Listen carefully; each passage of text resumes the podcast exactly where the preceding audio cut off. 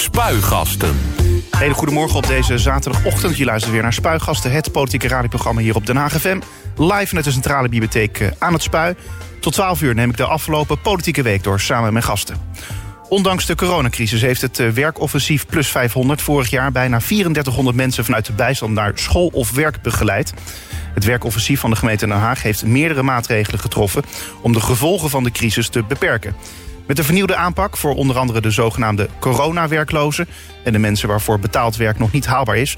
Maar hoe blijft het aantal wer- coronawerklozen in de stad nou beperkt? Wethouder Bert van Alphen die legt het eh, vandaag in Spuigasten uit. Allereerst goedemorgen. Goedemorgen. Fijn dat je er bent. Dankjewel. Wat was het voor week? Eh, hectische week. Erg druk. Eh, veel dingen gebeurd. Met als dieptepunt natuurlijk de Wouwmanstraat eh, brand. Ja, maar toch ook wel weer wat hoogtepunten. Ja, ja, natuurlijk. We hebben eh, uitgebreid gesproken in de afgelopen eh, eh, eh, commissievergadering over, eh, over, over de raad, moet ik zeggen. Over de opvang eh, dak- en thuislozen. En eh, gaan we een goede start mee maken nu. Ja, en het was ook wel bijzonder omdat het in de gemeenteraad eh, natuurlijk weer een fysieke vergadering was. Dus niet meer achter schermpjes zitten. Ja, Daar had jij af en toe ook wel eens last van, eh, had ik door. Dat, ja, Althans, dat de, is- de, de verbinding had, eh, van jou had vooral wat last. Ja, nee, dit was, het, het is echt heel lastig om door het beeld. En hoe goed het ook geregeld is en, en, en technisch en dergelijke. Maar je mist gewoon het contact. Je moet af en toe iemand in de ogen kunnen kijken. Ondanks de afstand. eh, en dan, dan merk je wat iemand bedoelt en eh, eigenlijk zegt. Ja. Eh, en andersom ook. Is dat in die, die zin dan nu ja, een soort ja, verlichting dat jullie nu weer fysiek kunnen vergaderen? Ja, dat, dat merk je ook wel. Het is, het is prettiger. Je kunt elkaar ook weer daarna weer even aanspreken... wat voorheen niet kon. En tussendoor even seintjes geven van... ik moet je daar nog even over spreken. Dat is nu weer, eh, weer mogelijk. Je kunt nu een opmerking maken met een knipoog erbij in plaats van... Ja, Exact. Anders dan bij spreken als het beeld net heel eventjes Ja. verstilt... dan, eh, dan zien men, mensen die knipoog niet, bij van spreken. En ik, ik bedoelde eigenlijk ook nog van... ja, het was ook een bijzondere week. Omdat het natuurlijk... het was de internationale dag de- deze week tegen homofobie en transfobie. Idalt. Juist. Ja, ja, internationale dag eh, waarbij overal de nieuwe vlag, vlaggen eh, worden gehezen. eh, zijn gehezen. En dat heb je ook mogen doen, hè? Ja, ja, zeker hier op het stadhuis. Maar op alle stadsdeelkantoren is het ook eh, gebeurd. De burgemeester is bij de Amerikaanse ambassade geweest om dat eh, te doen. Eh, dus eh, we zijn daar volop mee in, nieuws geweest. En dat is goed ook, want we willen graag, dat weet je...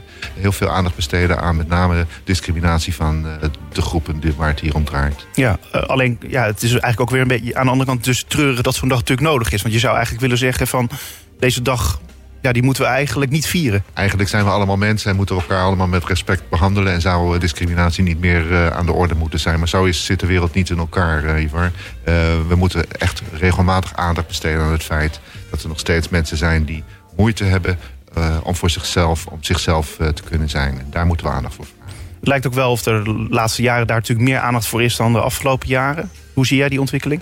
Ik weet niet, het is, eh, ik denk dat we er meer aandacht aan besteden... omdat we steeds meer signalen krijgen dat het niet altijd goed gaat. En dat we ook een, een tijd lang mensen in, in de kou hebben laten zitten. We hebben er niet voldoende aandacht aan besteed. enzovoort. Het probleem niet al- boven tafel weten te krijgen. Maar met deze jonge, nieuwe, eh, eh, enthousiaste wethouder op dit eh, terrein... komt het allemaal goed. Jongen. Ja, precies. Dan iets anders. Voor jou denk ik ook misschien wel een heugelijk feit. Den Haag heeft de intersexenverklaring ondertekend. Ja, heb Dat- ik zelf dat gedaan. heb jij zelf ook gedaan? Ja, ja, ja. Je hebt er Ja. maar druk mee met Ik, vlaggen hijsen en, en handtekeningen Ja. zetten. Maar het gaat ergens over. Hè? Die intersexenverklaring, dat is een internationale verklaring. Die eh, aangeeft dat je als gemeente in dit geval, de overheid, eh, aandacht besteedt aan de groep die ook weer eh, achterblijft. Intersex is een moeilijk te definiëren groep, want dat ga je uiteraard vragen. Wat zijn dat eigenlijk voor mensen? Ik probeer het altijd uit te leggen van dat dat mensen zijn die geboren zijn met een niet heel duidelijk geslacht.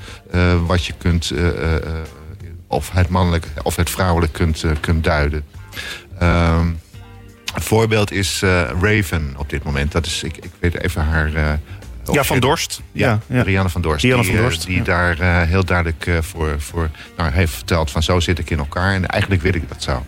En met name de medische wereld die zet daar nogal eh, dubbel in. Die willen in, in zo vroeg mogelijk stadium mensen een, een duidelijk geslacht laten geven. Omdat zij in de veronderstelling zijn dat. En deze verklaring geeft eigenlijk aan van... laat mensen zelf beslissen hoe ze hun verdere leven willen indienen. En laat ze pas op een latere leeftijd beslissen of ze daarmee vrolijk en gezellig en goed en gelukkig kunnen leven. Of dat er een aanpassing nodig is die zij zelf willen. Ja, alleen het, ding is hierbij het van dat de gemeente Den Haag dit dan ondertekent. En we hebben het nu over de medische wereld. En ja, op zich is het ook logisch dat ze mensen misschien in hokjes moeten plaatsen. Omdat het wettelijk allemaal zo geregeld is. Ja. Dus wat, wat, wat hebben wij uh, ja, als inwoners van de stad Den Haag, wat hebben wij hieraan? Nou, we stralen daarmee uit dat je, uh, dat je ogen hebt voor deze mensen en hun problematiek waar ze mee worstelen. Dat we dus uh, als gemeente, als overheid, op wat voor manier dan ook, openstaan. Dat je bij ons terecht kunt als je daarmee worstelt. En dat we je door kunnen verwijzen naar de juiste ondersteuning in deze. Helder. Nou, dat uh, was dus een heugelijk feit van, uh, van deze week. dan gaan we natuurlijk... Mag je nog even... Heb ja? je de nieuwe vlag gezien? De nieuwe vlag? Ja, we hebben de regenboogvlag. Die hebben we al jaren. Die, die hangen we ook al jaren. Ja. maar hij is nu aangepast. Er zitten ook nu andere dingen in. Moet nog eens goed kijken. Maar wat voor andere dingen heb je het over dan? Ja, er zitten andere strepen in dat we niet alleen meer de regenboogvlag... die staat voor de oude LHBT eh, de homo, lesbisch en uh, bi. Ja. En deze vlag staat voor alle groepen die hiermee te maken hebben. Dus ook de transgenders enzovoort. Dus dat zit er nu allemaal in. Kijk eens aan. Uh, maar hij wappert inmiddels niet meer natuurlijk. Hè? Het is alleen, nee, uh, op de dag zelf. hoogtij ja. ja. feest. Eigenlijk wel misschien wel jammer, toch? Je zou ook kunnen zeggen van... Uh, ja. wij spreken hele jaar regenboogvlag, toch? Maar er is een protocol voor. Dat, maar je oh, mag vlag... zomaar gaan vlaggen. Oké, nou, dat, dat doen we dan maar niet. en wat we wel gaan doen uh, vandaag verder in uh, Spuigasten. Deze zomer hoeven automobilisten geen 10 euro per uur te betalen... voor het parkeren op Scheveningen. De meerderheid van de gemeenteraad is tegen het voorstel... van wethouder Robert van Asten van D66. Van Asten wilde het parkeertientje invoeren... om de overlast voor bewoners tegen te gaan... Maar de meeste partijen vrezen dat Scheveningen hierdoor het imago krijgt van dure badplaats. Ook ondernemers die keerden zich tegen het plan. Hoe kijken de raadsleden Dennis Groenewold van D66 en Ted Rechts van de VVD terug op het debat in de gemeenteraad? Dat dus straks allemaal in spuigasten. Maar eerst... Het politieke weekoverzicht. Maandag 17 mei. De gemeente Den Haag gaat een heel nieuw middel inzetten... om ervoor te zorgen dat in bepaalde delen van de stad... goedkopere woningen worden gebouwd. Dat wordt straks keihard vastgelegd in bestemmingsplannen. Zo kan de gemeente bepalen hoeveel woningen er... in de sociale en middeldure huur binnen een project moeten worden gebouwd. Welke prijsgrenzen hiervoor gelden... en eh, voor hoeveel, eh, hoeveel jaar dit in stand wordt gehouden... Het is hard nodig, dat, is één ding dat, uh, dat zeker is. Um, maar wat ik niet snap, waarom kan dit dan nu wel... Maar waarom is dit dan eerder niet afgesproken? Doe, bijvoorbeeld, jij bent ook al wethouder al uh, meerdere jaren. 100 jaar? Nou ja, dat zou ik niet zeggen hoor. Uh, maar, maar waarom kon het bij wijze van spreken al die periodes daarvoor al niet? Ik weet niet waarom dat uh, niet kon. Het is, uh, we hebben nu echt de koppen bij elkaar gestoken en zeggen van er moet iets, uh, iets gebeuren, want anders loopt het echt uit de hand. Ja. Maar, maar toch denk ik dan van ja, er bestaat al zo lang een woningnood. Ik, bedoel, het is, ik wil helemaal niet zeggen dat de gemeente Den Haag niks doet hoor. Maar Nee, dat, dat klopt. Uh, uh, we zitten in, in, in een geografisch gezien wat, wat ingewikkeld uh, grondoppervlakte. Hè. We kunnen de zee niet in.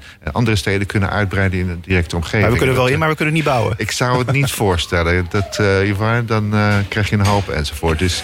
Ehm, dat, dat is een van de grote problemen die we hebben. We kunnen wel de lucht in en dat zie je, dat gebeurt ook eh, steeds meer.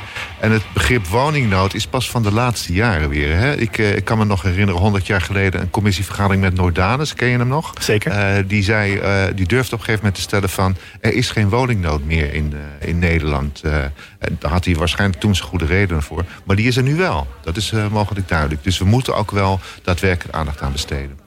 Dinsdag 18 mei. De gemeente Den Haag moet de portemonnee trekken om een constructiefout op te lossen bij de bouw van Legoland eh, Discovery op Scheveningen. Het kelderdak van de indoor-attractie is niet stevig genoeg. En om de situatie op de boulevard veilig te krijgen is bijna 3 miljoen euro nodig. Dat is onder meer bedoeld voor het eh, met 6 meter verbreden van de boulevard richting de zee. En ook is het bouwproject met een jaar vertraagd ik heb wel een beetje het idee, uh, Bert, van dat de bouwprojecten waar de gemeente bij betrokken is, dat de laatste jaren steeds duurder worden. Ja, je moet er al bij lachen, maar we moeten er eigenlijk om huilen, denk ik. Ja, zeker wel. Uh, het is eigenlijk altijd al geweest. Hè. Ik zit vanaf 98 in de raad en elke keer als er een nieuw project komt... dan wordt daar een begroting op uh, losgelaten. En dat blijkt na een aantal jaren weer bijgesteld te moeten worden... omdat het toch duurder uitvalt. Dat zal alles te maken hebben met aanbesteden en, en bedrijven... die wel of niet onder de grens willen zitten. Ik, ik heb daar niet zoveel verstand van, maar het komt heel vaak voor. Maar nu is het wel heel vaak tegelijk. Ja, nou het, zijn, het zijn, wel, zijn wel meerdere projecten die nu natuurlijk lopen. Ehm, heb je enig idee, ja, kijk, omdat je nu al een tijdje meeloopt, uh, zou ik willen zeggen. Ehm, heb jij een soort oplossing hiervoor? Dat, dat, ja, hoe kunnen we toch als, als gemeente en gemeenteraad, college ervoor zorgen dat die projecten gewoon binnen de gestelde termijn worden afgerond en binnen het budget blijven. Ja, nou, het, het, is, het is niet alleen in Den Haag. Hè. Je weet hoe uh, alle grote projecten in uh, alle andere steden in Nederland ook altijd uh, neem de Betuwe-lijn als voorbeeld. Ja, ik wou bijna zeggen het Binnenhof. Dat is nog veel erger volgens mij. Ja, exact.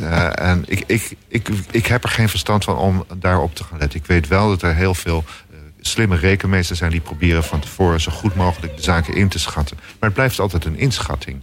En uh, nou ja, de coronacrisis bijvoorbeeld helpt natuurlijk ook weer mee om te kijken van kunnen we enzovoort. Dus ik, ik, ik weet niet of je dat überhaupt ooit kunt uh, inperken. Nou, ik denk soms nog wel eens van, uh, ja, misschien dat, dat, dat de risico's groter zouden moeten worden ingeschat. Of dat je bijvoorbeeld zou kunnen zeggen van ja, dat aanbestedingsproces waarbij je natuurlijk kiest voor de, de, de bouwer met natuurlijk de, uiteindelijk wel kwalitatief uh, beste uh, keuze is, maar ook de goedkoopste keuze. Ja. De goedkoopste keuze is natuurlijk niet per se altijd de beste keuze, denk nee, ik dan. Dat klopt. Nou ja, het vergroten van je, van je risico, dat is natuurlijk ook. Alleen heb je de kans dat mensen daar dan weer op uh, hè, gaan anticiperen. Of, ja, uh, ja. enzovoort. Het, het, blijft een moeilijk uh, proces. Kortom, we gaan er niet uitkomen. Ik, wij met z'n tweeën hier op zaterdagochtend, ik denk het niet. Nee. Jammer. Woensdag 19 mei. Na flink wat commotie is PvdA-politicus Rabin Baldessing... woensdagavond uiteindelijk niet gekozen tot de nieuwe wethouder van Leidsdam-Voorburg. Pijnpunt is dat Baldessing in zijn tijd als wethouder in Den Haag... een vergunning verleende voor een windmolen aan de Westvlietweg. Dat was tegen het cerebeen van de bewoners van de naastgelegen Zeeheldenwijk in Leidschendam. En daardoor ontstond er commotie toen de oud-wethouder van Den Haag werd voorgedragen. Vind je ervan? Ja, het is triest. Echt... Uh, uh om de persoon. Ik mag Rabin uh, heel erg uh, sterk. We hebben goed samengewerkt altijd in het verleden. En nog uh, komen er samenwerking dingen uit. Dat gaat, dat, voor de persoon vind ik het heel triest. Maar ik vind het ook jammer voor uh, Leidsdam Voorburg. In die zin van... Rabin is een ervaren kracht, weet hoe de, de hazen lopen. is goed in besturen, heeft hij ook hier bewezen. en zou voor het laatste jaar, zou ik maar even zeggen... richting Leidsdam Voorburg nog veel kunnen betekenen. En uh, dat gaat dus nu niet door. Dat vind ik erg jammer. Ja, uh, er wordt, ja, ik kreeg ook een beetje uh, de signalen van mensen die zeiden tegen mij van ja, het is misschien ook een beetje dorpspolitiek die daar plaatsvindt daar in Leidschendam Voorburg. Wat vind jij daarvan? Nou ja, kijk, emoties spelen natuurlijk mee. Ik kan me voorstellen dat uh, die hele situatie rond die windmolen... dat dat uh, diep, diepe wonden heeft geslagen in uh, Leidschendam Voorburg. Maar nou, nogmaals, ik vind het jammer. Ik denk dat er een kans is gemist. Ja. Um, hoe gaat Den Haag nog uh, in gesprek met Leidschendam Voorburg? Of, uh, of heeft het college van Den Haag hier helemaal niks mee te maken? Nee, die, die, heeft daar niets mee te maken. Okay. Donderdag 20 mei. Burgemeester Jan van Zanen van Den Haag die heeft aan het begin van de gemeenteraadsvergadering donderdag stilgestaan bij de grote brand in de Wouwermanstraat in de Schilderswijk. Laten we even luisteren. Een enorme vuurzee. Uh, ontreddering in gezichten van bewoners. Uh, mensen die daar in hun slaap nu kinderen, ik heb ook kinderen gezien, paar mensen gesproken die ook, uh, nou ja, mevrouw die net zwanger was, mijn hemel. En uh, ik heb gezien dat de brandweer, het waren hulpverleningsdiensten, maar vooral de brandweer die heel professioneel aan de slag waren. Hoog, beneden hoog met heel veel water. Heel professioneel. Een drone die alles in de gaten hield. Ik ben aan de achterkant geweest. Nou ja, ja, het was een zeer grote brand, dus dat is echt uitzonderlijk. Maar ik was zeer onder de indruk van uh, nou ja, wat ik zag en wat ik aantrof. En de, het is natuurlijk afschuwelijk als je dat mee... De mensen lagen gewoon nog te slapen, is diep in de nacht. Ja, je hoort eigenlijk de burgemeester zelf ook een beetje aangeslagen. Uh, je woont er zelf ook een beetje in de buurt. Ja, een paar honderd meter vandaan. Ja, wat heb jij ervan meegekregen? Nou ja, uh, midden in de nacht niet zoveel moet ik eerlijk zeggen. Maar in de vroege ochtend merk je inderdaad wel onrust, commotie we hebben in mijn buurtje ook een, nog niet zo lang geleden ook een brand gehad. Dus dat, dat speelt wel enorm. Maar ik wil vooraf zeggen, Ivan, dat we alles en iedereen op onze blote knieën mogen danken dat er geen slachtoffers zijn gevallen in deze. Dat is echt een zeer groot geluk bij dit vreselijke ongeluk. Ja, want het was een, een hele grote brand. Het was een hele grote brand. heel veel mensen die daardoor getroffen zijn. ik ben s'avonds uh, nog bij een bewonersbijeenkomst geweest om daar met de mensen over te spreken. Ja, ontluistering, ontreddering, ongelooflijke emoties. Van huilen tot, tot stil enzovoort. waanzinnig. In hoeverre ben jij dan nog als wethouder hierbij betrokken? Want ja, het is vooral aan de burgemeester natuurlijk in eerste instantie met de brand. Daarna heb je Martijn Behalster die natuurlijk bezig is met nou ja, mensen nou ja, een woning bieden. Ja. Nee, ik, eh, ik ben stadsdeelwethouder van Centrum. Daar valt dit eh, gedeelte ook onder. En ik ben bewoner van de wijk. Eh, dus die, die betrokkenheid is er zeker. Ik ben ook zeer getroffen door mijn medebewoners en organisaties en moskeeën... die op zeer korte termijn hulpacties zijn, zijn gestart. en daar geef ik ze ondersteuning in als dat, als dat nodig is. ik spreek met mensen, ik ga er naartoe als dat nodig is. En men kan op mij rekenen in deze. Maar wat kun jij eh, eh, ja, concreet doen dan eigenlijk voor de bewoners? Als wethouder dan? Ja, als wethouder, uh, nou ja, in ieder geval helpen bij mensen die. want je weet, er is een, ook een groep mensen die niet rechtmatig in Nederland mogen verblijven, laten we het zo maar even zeggen. Dus dat vereist mijn, mijn grote aandacht. hoe kunnen we die ook wat structureler opvangen dan wat we nu doen? Dus dan gaat het over de arbeidsmigranten bijvoorbeeld, ja, die, ja, ja, die daar ook in, die, in, die, in het gebied wonen. Oké. En um, ja, wat, wat, wat, wat ga je dan daarvoor doen? Nou, we gaan goed kijken hoe uh, deze mensen die hierdoor getroffen zijn... Uh, nu het beste geholpen kunnen worden. Uh, het zij weer met nieuwe huisvesting, voor zover dat voor de hand ligt. Of anderszins, het kan best zijn dat mensen zeggen van we gaan terug naar... enzovoort. Nou, ondersteunen we ze daar ook bij. Dus we zijn met die mensen in gesprek. Ja. Heeft dit nu jou, jouw belangrijkste of, of is, heeft het de grootste prioriteit voor jou op dit moment dan ook nu? Ja, zeker wel. Ja, zeker wel. Het is uh, los van het feit dat er uh, erg veel mensen nu geholpen moeten worden, heel veel mensen ontredderd zijn. Uh, is het ook natuurlijk een, weer een gat in de wijk die gedicht, dat gedicht moet worden op een goede manier. Vrijdag 21 mei. Haagse inwoners die door corona minder inkomsten hebben, kunnen makkelijker een eenmalige bijdrage aanvragen. De tijdelijke ondersteuning noodzakelijke kosten. De tonk die wordt vanaf 25 mei verruimd. De tong kan sinds 15 eh, maart aangevraagd worden door alle Haagse inwoners die een forse daling in inkomen hebben door de coronamaatregelen en bijvoorbeeld moeite hebben met het betalen van hun woonlasten. Inmiddels hebben ruim duizend Hagenaars een aanvraag eh, ingediend. Um, ik vroeg me even af, Bert, waarom nou een verruiming? Want die lockdown is nu toch eigenlijk voorbij? Ja, maar dit is nog een maatregel die tijdens die lockdown is. En je bent uh, niet ineens weer op uh, pijl van je eigen inkomen, van je inkomen wat je daarvoor had. Dus er zijn nog heel veel mensen die enorm veel inkomensgezien last van hebben. Ja, nou goed, jij zegt veel. Uh, maar ik vind persoonlijk nog eigenlijk wel meevallen. In een grote stad als Den Haag met bijna uh, 550.000 inwoners. Dat er dan slechts duizend aanvragen zijn voor de tonk. Ja. Wordt Den Haag dan relatief gezien minder hard getroffen misschien door de coronamaatregelen? Nee, dat denk ik niet. Ik denk dat uh, veel mensen die hiervoor in aanmerking zouden kunnen komen... dat daar nog niet voldoende op gewezen is. Je ziet het overigens ook in de andere grote steden. Precies dezelfde beweging. Uh, ik denk ook dat mensen denken van, nou ja, het is zo'n klein bedrag. Uh, wat zou ik al die moeite daarvoor doen enzovoort. Ja, want het gaat om 750 uh, euro, In toch? eerste instantie, ja, ja. ja. We hebben wel besloten om die bedragen te, te, gaan verhogen. en de toegankelijkheid wat makkelijker te maken. In die zin van, moest je eerst 25% van je inkomen, zeg maar, nog hebben. Nu mag dat naar 15% gaan. Dus dat betekent dat je makkelijker voor deze bedragen in aanmerking gaat te komen. Ja. Maar goed. Uh, de bereikbaarheid wordt iets groter. En we zullen er veel meer reclame voor moeten maken. Dus de opdracht uh, die ik nu ook uh, heb van... maak er gebruik van, dames en heren. we, hebben het, we hebben het geld, we hebben de mogelijkheden. Kijk op de website van Den Haag en zie hoe je de tonkaanvraag kan, kan aanvragen. Waarvan akte? Zaterdag 22 mei. Het Haagse stadsbestuur gaat de uitgifte van het aantal parkeervergunningen in de stad aan banden leggen. In wijken waar een groot parkeerprobleem is, wordt het voor bewoners lastiger om voor een tweede auto een parkeervergunning te krijgen. Voor een derde en volgende auto geeft de gemeente in die wijken helemaal geen vergunningen meer uit. Moet ervoor zorgen dat bewoners makkelijker een parkeerplek in hun eigen buurt kunnen vinden, meldt mediapartner Omroep West. Um, ja, Bert, is het gevaar dan niet hiervan dat mensen hun auto dan gaan neerzetten op plekken waar dan nog gratis parkeren is? Dus dat je het bekende waterbedeffect ziet? Hè? Ongetwijfeld. En Robert van Asten heeft daar heel goed over nagedacht. Die, uh, die heeft daar goed een antwoord op. Je moet het ook maar aan hem vragen, want ik heb er geen verstand van. Ik, wat ik wel zie, is dat inderdaad bepaalde gebieden, ook op Scheveningen, uh, het parkeren echt een groot uh, probleem is. En dat daardoor de bereikbaarheid van straten en dergelijke goed in gevaar gaat komen. Nou, je, je, moet niet denken dat zoiets bij Waalmastraat aan de hand was geweest. Hè? Dus dat moeten we echt wel voor ogen hebben. Dus ja, je moet erop ingrijpen. Je moet ervoor zorgen dat iedereen zijn eigen plekje kan hebben. Maar je moet ook met de schaarse ruim, ruimte kunnen dealen. Tot zover het weekoverzicht. Meer nieuws vind je op onze website denhagfm.nl. Spuigasten.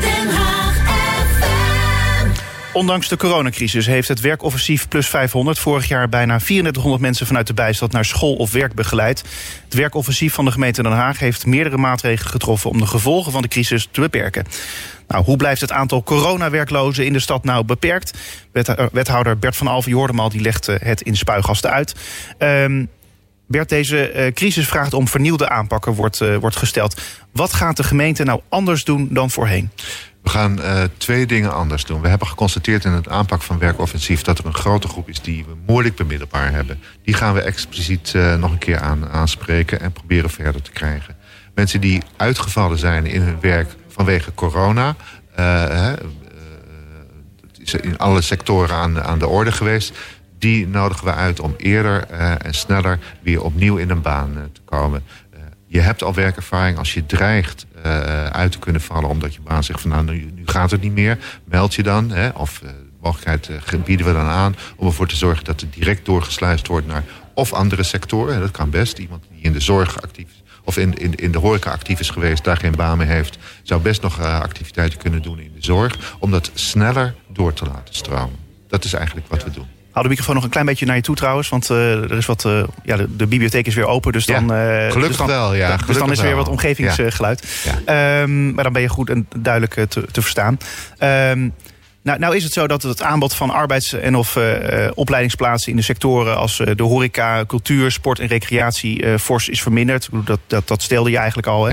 Ja. en door die maatregelen konden bepaalde dus ontwikkeltrajecten voor mensen in de bijstand allemaal niet doorgaan. Uh, nou, zeg je van ja, de gemeente die, die, ja, die, die probeert daar dan anders mee om te gaan.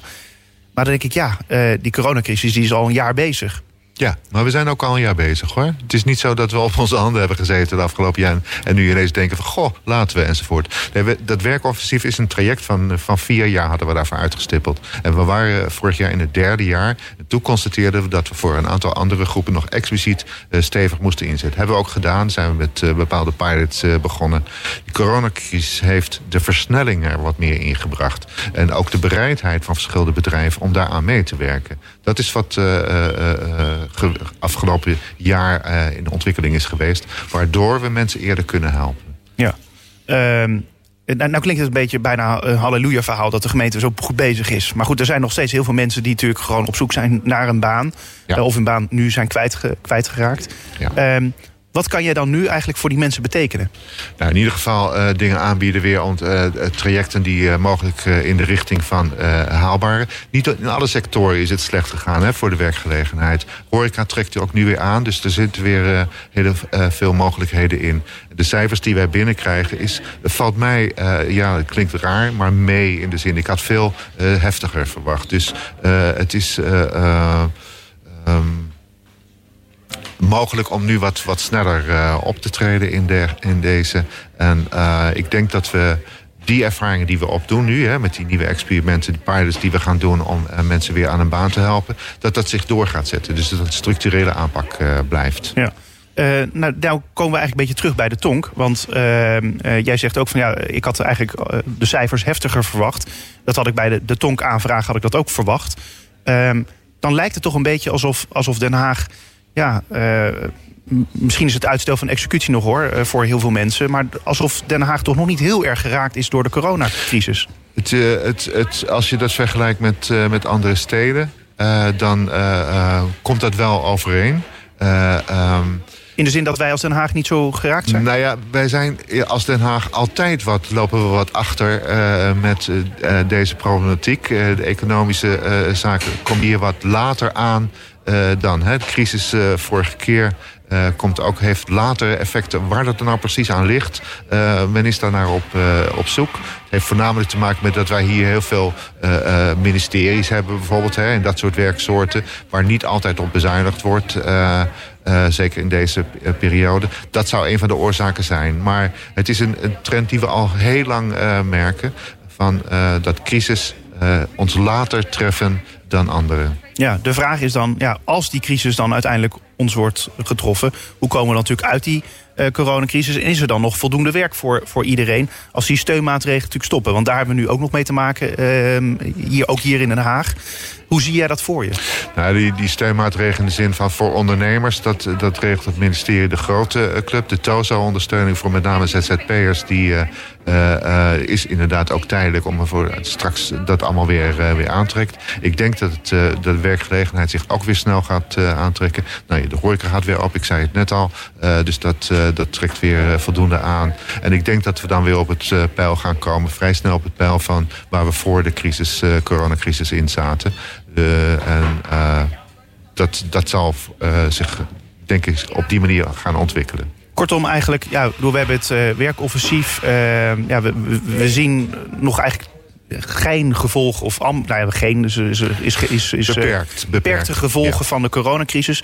Dus in die zin, ja, Den Haag uh, staat er eigenlijk nog wel goed voor. We doen ons best, Ivan. Ja, dat, dat, dat, dat, dat lijkt me duidelijk. Dat, dat lijkt me logisch ook. Nee, maar we leren daar natuurlijk ook van. We hebben gezien dat, met name door die coronacrisis... je heel snel bij uh, gedupeerden moet zijn, om het zo even te zeggen. Uh, niet laten wachten totdat ze bij jou aankomen van... nu kan het niet meer, maar actief de zaak op, oppakken. Dat is wat we geleerd hebben de afgelopen periode. En daar bereik je meer. Daar krijg je ook meer vertrouwen in de overheid door de burger. Van, ze hebben oog voor ons en uh, dat zal zo zijn vruchten afwerpen in de komende periode. Tot slot, als het gaat over vertrouwen in de overheid. Ja, je moet wel een beetje lachen. En, en als het gaat ook over uh, nou ja, de overheid die zich uh, actief opstelt. Kindertoeslagaffaire. Ja. Ehm, ja, in hoeverre heb jij daar als wethouder nog mee te maken? Heel, heel veel. Uh, ik heb uh, regelmatig gesprekken met uh, mensen die hier de slachtoffer van zijn. Ik heb regelmatig gesprekken, overleg met ministeries en met de staatssecretaris... om deze zo goed mogelijk aan te pakken. Nogmaals, of nogmaals, het is niet onze schuld. Hè? We proberen zo goed mogelijk onze burgers te ondersteunen... in datgene wat ze hebben meegemaakt. Ja. En dat is soms zeer ten hemel schrijend. Uh, nou valt mij op dat een aantal gemeenten heeft gezegd... wij gaan zelf uh, nu maar uh, de mensen ja, compenseren omdat het Rijk nog eh, heel lang op zich laat wachten.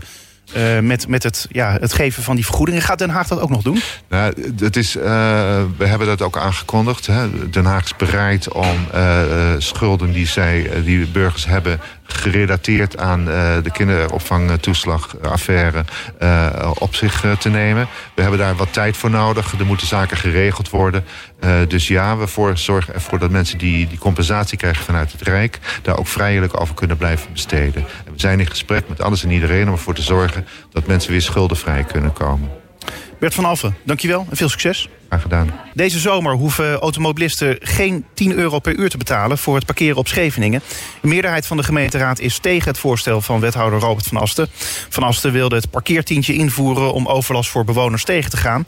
Maar de meeste partijen vrezen dat Scheveningen hierdoor het imago krijgt van dure badplaats. Ook ondernemers die keerden zich tegen het plan. Hoe kijken de raadsleden Dennis Groenewold van D66 en Ted Rechts van de VVD terug op het debat in de gemeenteraad? Allereerst uh, een hele goede morgen. Fijn dat jullie er beide zijn. Dankjewel. Dankjewel. Goedemorgen. Um, ik denk wel, uh, uiteindelijk uh, steunen alleen D66, GroenLinks en de Partij voor de Dieren het plan van Van Asten. Uh, dat lijkt me een, ja, een bittere pil voor D66, Dennis. Nou, het lijkt me vooral jammer voor de bewoners op Scheveningen. Want uh, die konden we, konden we echt helpen met dit voorstel om hun leefwijken, hun leefomgeving in de zomer gewoon echt leefbaar te houden, die woonwijken.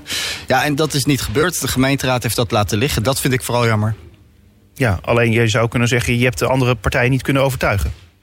Nee, dat klopt. Maar goed, het gaat ook niet om of wij de partijen overtuigen. Het gaat erom wat we doen voor de bewoners. En dat is wat ik überhaupt miste in het debat. Het werd een heel procedureel debat.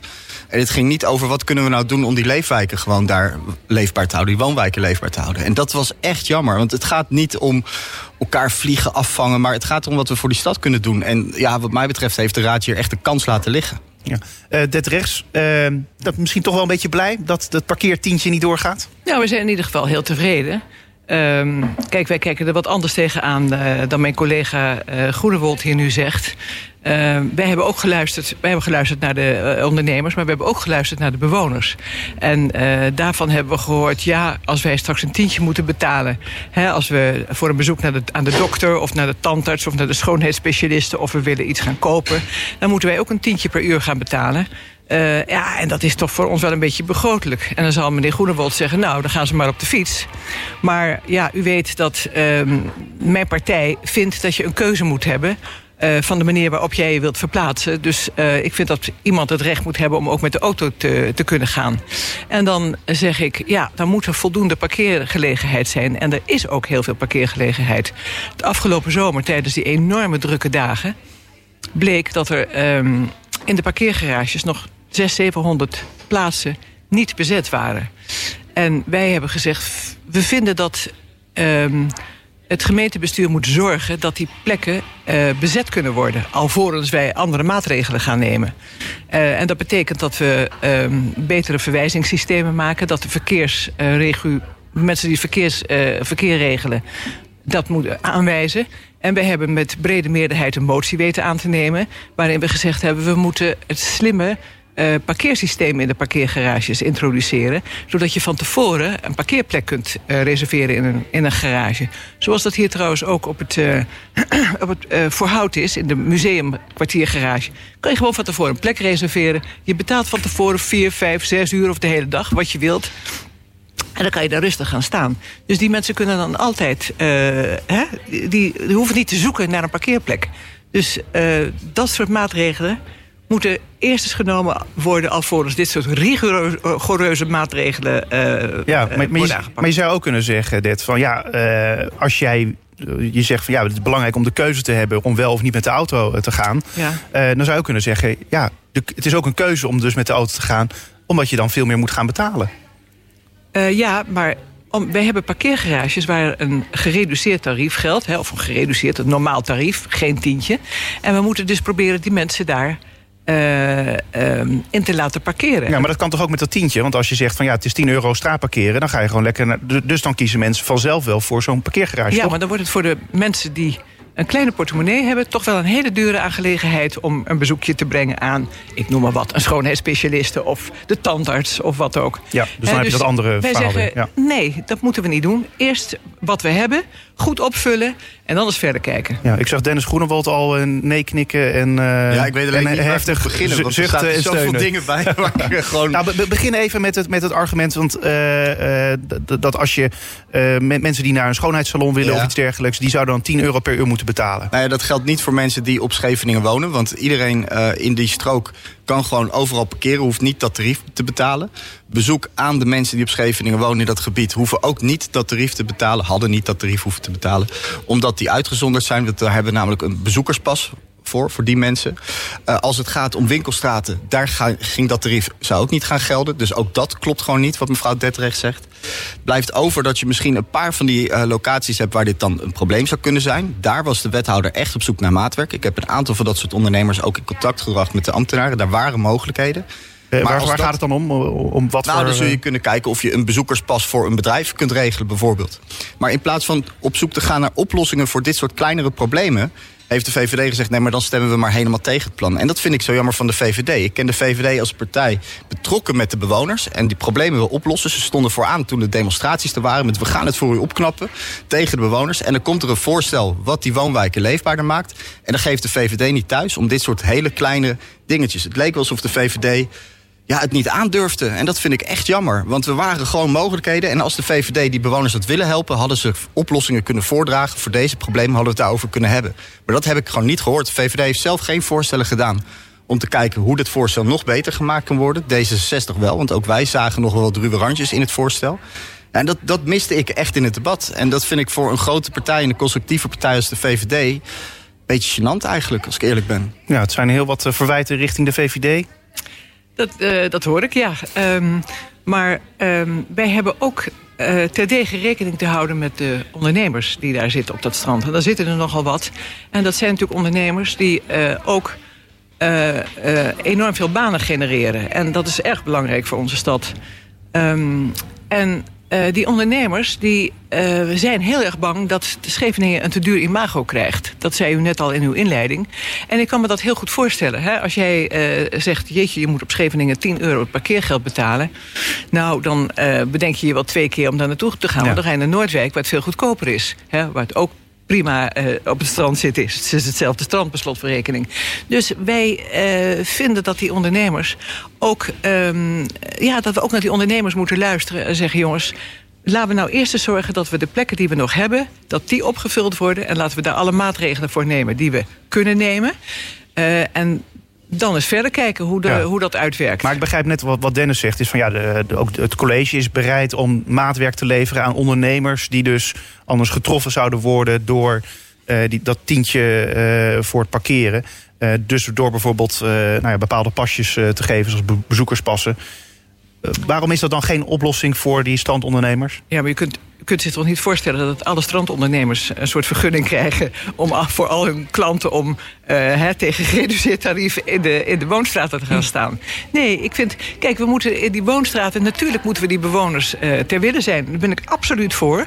Maar dat moeten we op een andere manier aanpakken. Eerst die plaatsen opvullen en dan moeten we hele strakke maatregelen nemen. Ik vind ook dat we in heel Scheveningen veel van die pictogrammen neer moeten zetten. Hè, met van die plaatjes van, denk erom, je krijgt een wielklem of je wordt weggesleept als jij hier op een plek staat waar je niet mag staan. Eh, en dat moeten de mensen moet het ook goed tussen de oren eh, geduwd worden. Moet afschrikken. Hè?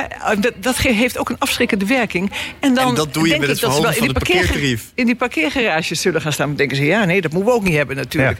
Dus begrijp je, dus dat soort maatregelen moeten er eerst eens genomen worden... voordat we met dit soort enorme rigoureuze maatregelen Dus je moet beginnen. eerst handhaven en, en dan pas kun je naar andere rigoureuze en maatregelen kijken. begeleiden naar de, de, Ja. de parkeerplekken die er eigenlijk voor de badgasten gemaakt zijn. Ja. Want dat is zo. Dennis, is dat niet een idee? Dat, dat, dat, Dat eh, doen we.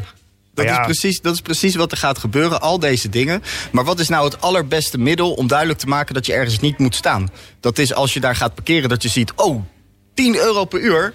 Dat is een hoog bedrag. Oeh, volgens mij is het niet de bedoeling dat ik hier ga staan. Dan ga je daar niet staan. Misschien is het probleem wel dat die 10 euro eigenlijk nog te laag is. Dat mensen nu het idee hebben dat we dit doen om geld te verdienen. Misschien hadden we er 100 euro van moeten maken. Pardon? Dan komt pas echt duidelijk van, oh wacht even, dit kan niet. En dan had de VVD misschien ook gesnapt dat het niet gaat om dat bedrag... maar dat het gaat om dat je niet wil dat die mensen in de woonwijken gaan parkeren. Ja, dus eh, preventie. Preventie, duidelijk maken waar ze moeten staan. Daar zijn we het allemaal over eens. De motie van de VVD over eh, in die garage parkeren... was eigenlijk ook al in het beleid van de wethouder. Daarom was niemand er ook op tegen. Dus dat gaat allemaal ook gebeuren. En ja, natuurlijk moet je die dingen doen. Maar het gaat erom dat als je daar toch nog terecht komt... en je wil gaan betalen voor die plek... dat je dan snapt als bezoeker van... hey, dit is niet de bedoeling dat ik hier ga staan. En dat kan gewoon echt alleen met een duidelijke verhoging van het tarief. Ja. Het, rechts, is het een idee eh, dat, dat je dus mensen wel afschrikt met die, met die 10 euro per uur? Dat is, dat is wat, wat iedereen wil, hè, de- uiteindelijk. Van dat je toch ervoor zorgt dat mensen eh, toch even twee keer nadenken... ga ik wel of niet eh, met de auto naar Scheveningen? Nou, ik denk dat je de mensen meer afschrikt door te handhaven met wat ik zei: eh, wielklemmen en wegslepen. Want u kent ze ook wel. De ASO's, de vlegels, de mensen die zich nergens wat van aantrekken. Die denken: joh, ik zet gewoon die auto daar neer en ik betaal gewoon twee tientjes. En eh, dan blijf ik hier gewoon de hele dag staan en dan heb ik een boete. Maar ja, joh, we zijn toch met z'n vieren, dus dan delen we die boete door vier en dan betalen we dat lekker. Hebben wij een lekkere stranddag gehad. Dat hou je natuurlijk ook nog. Dus ja, of je nou een, een, een, daar een tientje van maakt, dat interesseert die mensen. Nou, of niet. 100 euro dus, zoals Dennis Nou, Groenewold 100 zegt. euro vind ik wel heel rigoureus. Want dan denk ik dat we inderdaad de duurste badplaats van heel, heel de wereld worden. Zoals door sommige ondernemers werd geroepen. Maar eh, ja, je hebt natuurlijk van die ASO's die het gewoon geen bal kan schelen. Ja, en als maar- je ze wegsleept en- of een wielklem geeft... nou, dan aan het eind van de stranddag dan denken ze... oh mijn god, Ja. die- Maar wat er nu gaat gebeuren, is dat ook de toeristen die niet doorhebben dat het niet de bedoeling is dat ze daar parkeren, ook een wielklem gaan krijgen. Want die wielklem en het wegslepen is ook onderdeel van het beleid van de gemeente. En als er nou iets desastreus is voor de toeristische sector in Scheveningen, is dat de bereidwillende toeristen een wielklem krijgen en weggesleept worden. Volgens mij heeft mevrouw Rechts het meegemaakt met familieleden die op Ja. bezoek waren. Ja. Die komen nooit meer. Die raak je kwijt. maar daarom daarom- moet je duidelijk zijn over het tarief en dat mensen daar niet moeten gaan parkeren. Nee, maar daarom zeg ik, je moet heel Sche- Scheveningen volzetten met pictogrammen. Denk erom, waarschuwing, eh wielklem. Ik heb liever meer groen in de openbare ruimte dan overal borden, mevrouw Rechts. Gewoon aan het begin van iedere straat even zo'n bord neerzetten. Maar kortom, eh, eh, de VVD zegt meer pictogrammen en, en eh, met een Handhaven dus. handhaven Ja. en, en nou, afschrikkende werking. Ja. Dat is volgens jullie de oplossing voor, voor, dit- voor deze problematiek. En de mensen in, de, in die 700 plekken die nog vrij waren, dirigeren. Hè? Want dat vind ik namelijk ook heel erg belangrijk. Want we hebben die garages niet voor niks gebouwd. Hè? Dus die zijn er voor de badgasten. Ja. En wa- wat is volgens eh, D60 de oplossing dan voor het parkeerprobleem? Nou ja, ik, helemaal eens dat die garages eerst vol moeten. Daarom moet je ook zorgen dat het voordeliger is om in die garages te staan dan op straat. En dat red je het makkelijkst met het verhogen van het parkeertarief. Komen we weer. Daarom was dit ook echt een goed voorstel. Nou, dat is een beetje cir cirkelredenering. Dus Nou als, ja, het goed, parkeer, al als het, de verhoging van het tarief niet eh, omhoog kan, eh, omdat er geen meerderheid voor is, wat is dan wel de oplossing? Of een andere oplossing? Handhaven is ook een oplossing, is een onderdeel ervan. Maar ik hou me hard vast deze zomer. En eh, ik, ik maak me wel zorgen voor de bewoners. Als we weer zo'n hete zomer krijgen met veel bezoek...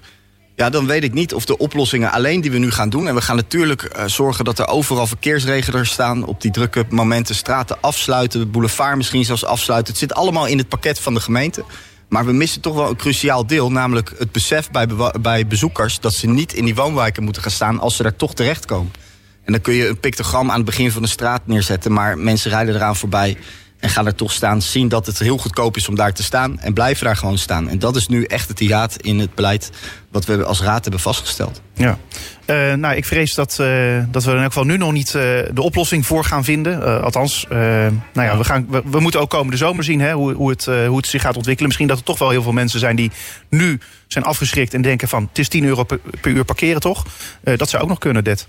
Maar dat is het niet. Nee, dat is het Dus, niet. eh, Nee, zeker niet. Nee, maar ik denk ook dat heel veel mensen zich nu waarschijnlijk wel realiseren... dat ze in die parkeergarages moeten gaan staan. Want ook in de plannen van, eh, van het college staan... dat we matrixborden gaan ophangen heel ver voor Scheveningen... waarin staat in de parkeergarages gaan staan... of zelfs eerder met eh, park and ride, park and beach, park and bike... weet ik veel wat, of op zo'n motortje. Dus hoe meer we daar rugbaarheid aan geven... des te meer het tot de mensen doordringt... dat je daar niet op straat moet gaan staan. Want dat is niet de bedoeling. Nee. En als je dus op die matrixborden ook zet wielklemmen eh, en wegslepen... dan realiseren mensen zich dat wel. En dan gaan ze wel in de parkeergarage staan. Het laatste woord is nog niet over gezegd. Dennis Groenhoff van D66 en Det Rechts van de VVD. Dank jullie wel beiden. Dankjewel. Dan is het woord nu aan eh, Marcel Verrek.